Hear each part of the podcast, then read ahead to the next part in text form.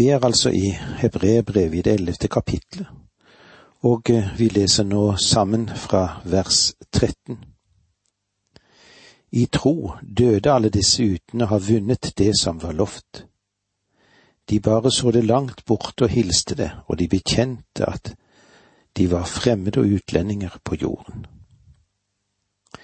Det å vandre i tro vil få oss alle til å erkjenne som Guds barn at vi bare er pilegrimer og fremmede her nede på jorden. Vers 14. Når de taler slik, viser de klart at de søker et fedreland. Troen ser fremover og oppover mot fremtiden. Guds barn, du og jeg kan også få lov til å se fremover i dag. Men det er viktig at Guds barn ikke slår teltplukkene altfor hardt til. Hvordan blir det da, hvis vi blir fastlåst her på jorden? Men at vi gir oss tid til å løfte blikket og se fremover, fordi vi alltid vet at vi ikke har et blivende sted her. Vers 15 og 16 hvis de hadde tenkt på det landet de dro ut fra, hadde de hatt tid til å vende tilbake. Men nå er det et bedre land de lengter etter, et himmelsk. Derfor skammer ikke Gud seg over dem, men kaller seg deres Gud. For en by har han gjort ferdige for dem. Alle sammen kan snu rundt 180 grader og gå tilbake til verden hvis en ikke er tilfreds med de ting som tilhører verden. Men Guds barn, Guds barn lever i tro og går alltid fremover. Det er godt for oss å legge merke til hva det står om de troende i den gamle pakt. Hva gjorde de? Jo, de holdt urokkelig fast ved troen på et liv etter døden. De så hen til et himmelsk fedreland, til en by som Gud hadde bygget ferdig for dem og dette, hva med dette landet? Jo, de hilste dette som sitt eget. Dit lengtet også de gamle troende i den gamle pakt, de lengtet å få komme dit, fordi de elsket det fremfor noe annet. Hva det enn kostet dem, så betalte de gjerne prisen. Med svære lidelser rakte de stort imot det de så frem til, og byen som de så henimot i tro. Her på jorden er både de og vi fremmede. Vi er utlendinger. Men vi har et land i sikte, en by utenfor denne verden, hvor vi hører hjemme. Det var denne troen som ga kraft til de i den gamle pakt, og det er den som gir oss kraft i dag. Vi som lever i dag, har grunn til å stille oss selv dette spørsmålet. Er verden som et utland for oss? Kjenner du deg fremmed her i verden? Er vi fullt viss på vår tro at vi har et himmelsk fedreland og en by som Gud har bygd ferdig for oss? Lengter vi til dette landet? Lengter vi til denne byen? Vil vi fremfor alt dit, eller hvordan er det med oss? Vil vi helst være her? Hva kan årsaken være til at denne klode som vi bor på, har så sterkt tak i oss. Hvorfor er det slik? Vi har frihet til å arbeide for Guds rike i landet vårt. Vi kan tro på Gud, og vi kan tro på Jesus. Vi kan både tjene og tilbe uten at noen hindrer oss.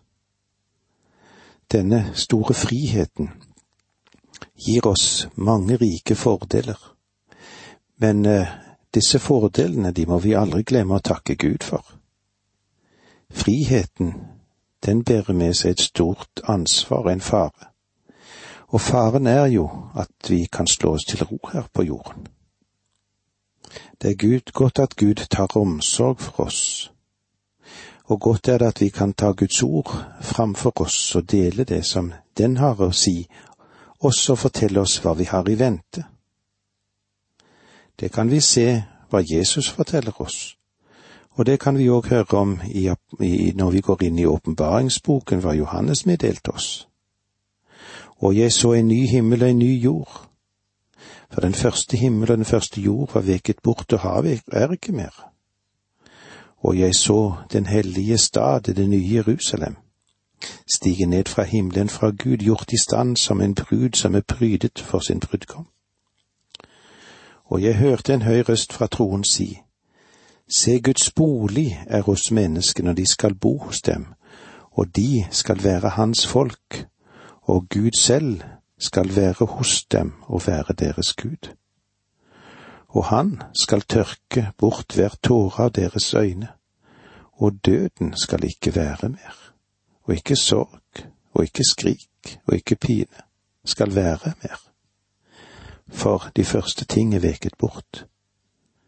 Og han som satt på troen sa, Se, jeg gjør alle ting nye. Og han sier til meg, skriv, for disse ord er troverdige og sanne.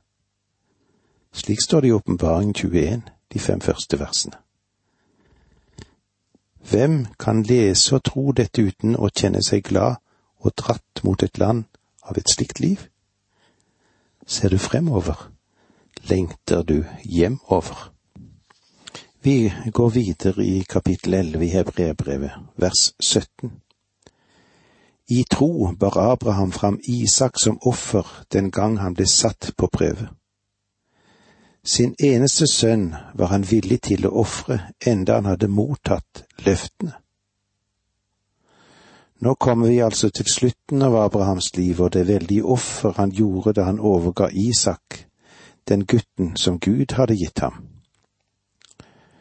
Og eh, i vers 18 leser vi slik og fått dette tilsagn. Det er gjennom Isak du skal få din ett. Abraham hadde andre barn, men Isak var han som ble kalt sin eneste sønn. Isak var den eneste sønn fordi Gud ga løftene gjennom ham. Vi leser videre i vers 19. Han regnet med at Gud endog har makt til å vekke opp døde. Derfor fikk han jo sønnen tilbake. I dette ligger et forbilde. Gud ba ikke Abraham om å ofre Isak før han var kommet til slutten av sitt liv. Årsaken er at Abraham ville ikke hatt, hatt tro til å gjøre det. Gud ville aldri prøve det over evne. Eller slik som vi leser i første Korinterbrev 10, 13. Dere har ikke møtt noen overmenneskelig fristelse, og Gud er trofast han vil ikke la dere bli fristet over evne, men gjøre både fristelsen og utgangen på den slik at dere kan klare det. Og derfor ba Gud aldri Abraham om å gi opp Ismael, det vil si gi ham som offer på alteret. Vet du hvorfor? Vel, til å begynne med var, så var Ismael ikke løftesønn og det andre er at Abraham ikke ville ha gjort det. Det tror jeg vi kan være helt sikre på. Abraham tigger til og med Gud om å ikke sende Ismael bort, men la ham få beholde denne gutten og gjøre ham til sin løftes sønn. Du skjønner at Abraham var ikke rede akkurat da til å gjøre noe slikt. Og eh, det må være absolutt klart at da Isak var ung, da var han bare en gutt. Da ville Abraham aldri ofret ham. Da Isak var omkring 33 år, da var Abraham rede til å lyde Gud og stole på ham. Derfor har vi her trosprøven. Jeg ønsker å ta et blikk på Abraham fra en annen synsvinkel enn vi vanligvis pleier å gjøre. Vi tenker vanligvis i form av store løfter som Gud ga ham angående landet som skulle gis ham, og den ett som skulle springe frem fra ham. Men eh, hva var det egentlig Abraham mottok i sin levetid? Hva var det han virkelig så? Han så ikke fullbyrdelsen av de store løftene, men det Gud ga ham, var et hjem. Da han var en ung mann og bodde i Ur i Kaldea, så han en dag en vakker ung kvinne. Jeg elsker deg, og jeg ønsker å gifte meg med deg. Og så ble Abraham og Sara gift. Og eh, med disse ordene må vi si takk for nå. Må Gud være med deg. Dette undervisningsprogrammet består av to deler. Åge Nevland fortsetter nå med andre del av dagens undervisning. Vi er i Hebreerbrevet i det ellevte kapittel, og vi er inne i det 18. og 19. vers og ser hvordan det var med Abraham som ønsket å gifte seg med Sara. Og så skjedde det jo at de ble gift. Men la oss gjenta noen av de versene som står i kapittel 11 i Hebreerbrevet, vers 17, 18 og 19. I tro bar Abraham fram Isak som offer den gang han ble satt på prøve. Sin eneste sønn var han villig til å ofre, enda han hadde mottatt løftene. Og fått dette tilsagn, det er gjennom Isak du skal få din ett. Han regnet med at Gud endog har makt til å vekke opp døde. Derfor fikk han jo sønnen tilbake i dette ligger et forbilde. Og så blir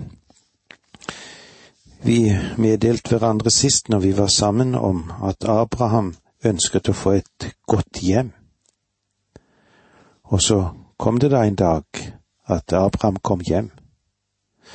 Og dette hjemmet var et hjem der avgudene ble dyrket, og han sa til Sara.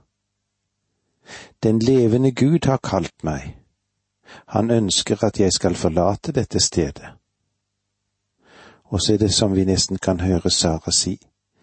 Men eh, her gjør jo vi det bra, Abraham. Du har jo alle dine slektninger her, og her bor jo alle våre venner. Og for å spørre om det, hvor drar du? Og Abraham han måtte svare, det vet jeg ikke. Mener du å si at Gud har kalt deg, og så vet du ikke hvor han har kallet deg hen?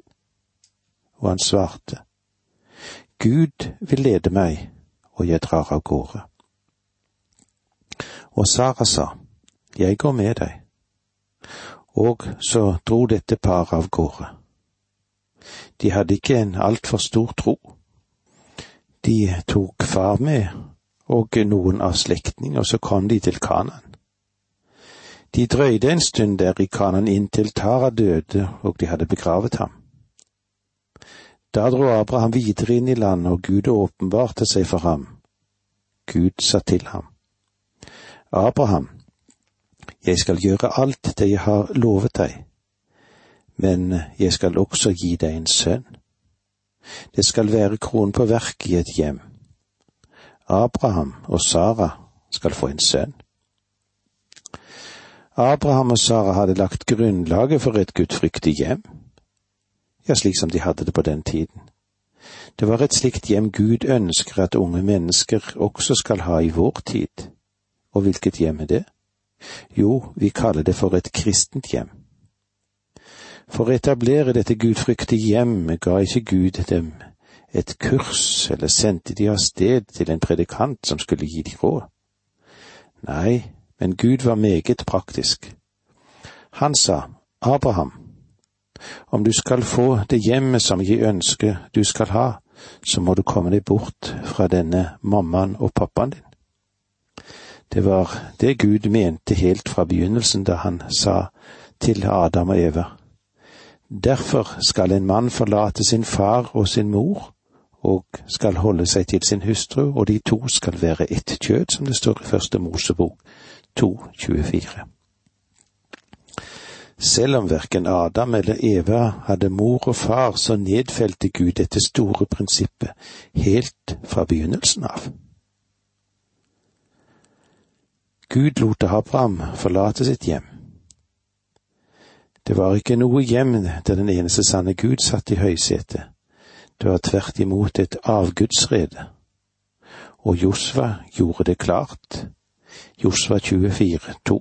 Jeg tror vi tar oss litt tid til å lese det. Og Josva talte til hele folket. Så sier Herren Israels Gud, fedrene deres, blant dem Tara, far til Abraham og Nakor, bodde fra gammel tid av på den andre siden av Eufrat, og de dyrket fremmede guder. De dyrket fremmede guder. Mange regler og mange gode råd gis til unge ektepar òg i våre dager. Du kan glemme alle disse regler og forordninger til du vandrer i tro. Er du et Guds barn, så skal du vandre i tro i det hjemmet. Far skal vandre i tro, og mor skal vandre i tro. Og vet du, hjemmet vil aldri bli et ideelt hjem. Jeg er trett av å høre folk si at det var med på et rådgivningskurs, og nå har de det herligste hjemmet noen kan tenke seg. Får jeg lov til å si noe til dere? Jeg har vært gift i mange, mange år. Det kan jo være at vi er uenige om noen ting. Og sannheten er at hun har rett til å ha feil. Men vi har alltid vært i stand til å komme til det punkt der jeg kan legge armen rundt henne og si at jeg elsker henne på tross av at jeg synes hun har feil. Kjære unge kristne, om du tror at du skal starte det ideelle kristne hjemmet, så tror jeg at du får mange bekymringer. Du vil snart se at du vil bli prøvet på samme måte som Abraham ble prøvet da han stakk av gårde til Egypt. Og jeg tror at hele veien til Egypt, så sa Sara, Abraham, jeg vil ikke til Egypt. Men de dro til Egypt. Han holdt på å miste Sara til en annen nede fordi han løy og sa at hun ikke var hans hustru. Det høres nå ikke ut som det er det ideelle hjemmet. Eller hva sier nå du? Da Abraham kom tilbake fra løftets land til Egypt, så ser vi at han hadde vanskeligheter med sin nevø. Kanskje Abraham skulle latt ham bli i Uri Kaldea. Men til sist så flyttet Lot til Sodoma, og han lot Abraham være alene oppe i fjellene her igjen ser vi at verken Abraham eller Sara var det vi kan kalle for et helt og fullt ideelt ektepar. Abraham tvilte på Gud. Han trodde ikke at Gud burde ødelegge Sodoma og Gomorra. Gud måtte gjøre det klart for ham at det var det han var i ferd med å gjøre, og det han gjorde var rettferdig, og det var det riktige. Og han måtte understreke overfor Sara at han kunne gi henne kraft til å bære fram en sønn. Han ga dem et lite barn som de gamle skulle fostre opp i hjemmet sitt. Abraham og Saras hjem var slik Gud ønsker at ditt og mitt hjem skal være. Om du tror at det å følge små, enkle råd og regler skal få deg til å styre klar av alle vanskeligheter eller vanskelige avgjørelser eller punkter i livet ditt, ja, da tror jeg du tar feil. Du vil merke at du en dag vil argumentere med din ektefelle. Du vil sikkert kunne merke at en dag får du vanskeligheter og problemer med det barnet som Gud ga dere. Hjemmet ditt vil ikke være det absolutt ideelle. Hvordan skal du håndtere alle disse problemene? Ved tro. Ved tro. Når du og jeg har nådd det punktet der vi er villige til å legge barnet vårt i Guds hender, på Guds alter, da har du og jeg nådd frem. Abrahams og Saras hjem var så nær det Gud ønsker et hjem skal bli her nede, så nær som vi overhodet kan håpe at våre hjem skal komme til å bli. Om det blir vanskelig for dere, dere, og at dere har problemer, da ønsker Gud å lære dere noe. La Gud få være lederen og læreren deres. Det er ikke sikkert at det er best å fly av sted til alle slags rådgiver eller tro at du kan ta et kurs som vil løse dine problemer. Både du og jeg vil ha problemer, men vi vandrer i tro, så vil Han òg berge vårt hjem, det har Han sagt. Abrahams tilbedelse i tro førte til lydighet i hans liv, slik at det kunne sies om ham. Abraham trodde Gud, og det ble regnet ham til rettferdighet. Vi vil nå se litt på Isaks tro. I tro var det at Isak velsignet Jakob og Esau med tanke på det som skulle komme, står det i vers 20 i kapittel 11. Legg merke til at det sies meget lite om Isak, spesielt når det settes i kontrast til hans far Abraham. Hva kan vi si angående Isak? Han representerer troens villighet. Isak var en voksen mann. Han var antagelig omkring 33 år gammel da hans far Abraham ofret ham på alteret. Det demonstrerer sannelig hans velvillighet. I tro var det at Isak velsignet Jakob og Esau med tanke på det som skulle komme. Det ene som fremheves i Isaks liv, var at han i tro velsigner sine sønner. Det synes merkelig. Isak var en brønngraver. Han grov mange brønner, og fienden tok dem fra ham. Så grov han enda en brønn, og igjen var fienden der og tok den fra ham. På mange måter var Isak en fargeløs person, men det som karakteriserer ham, det var hans villighet.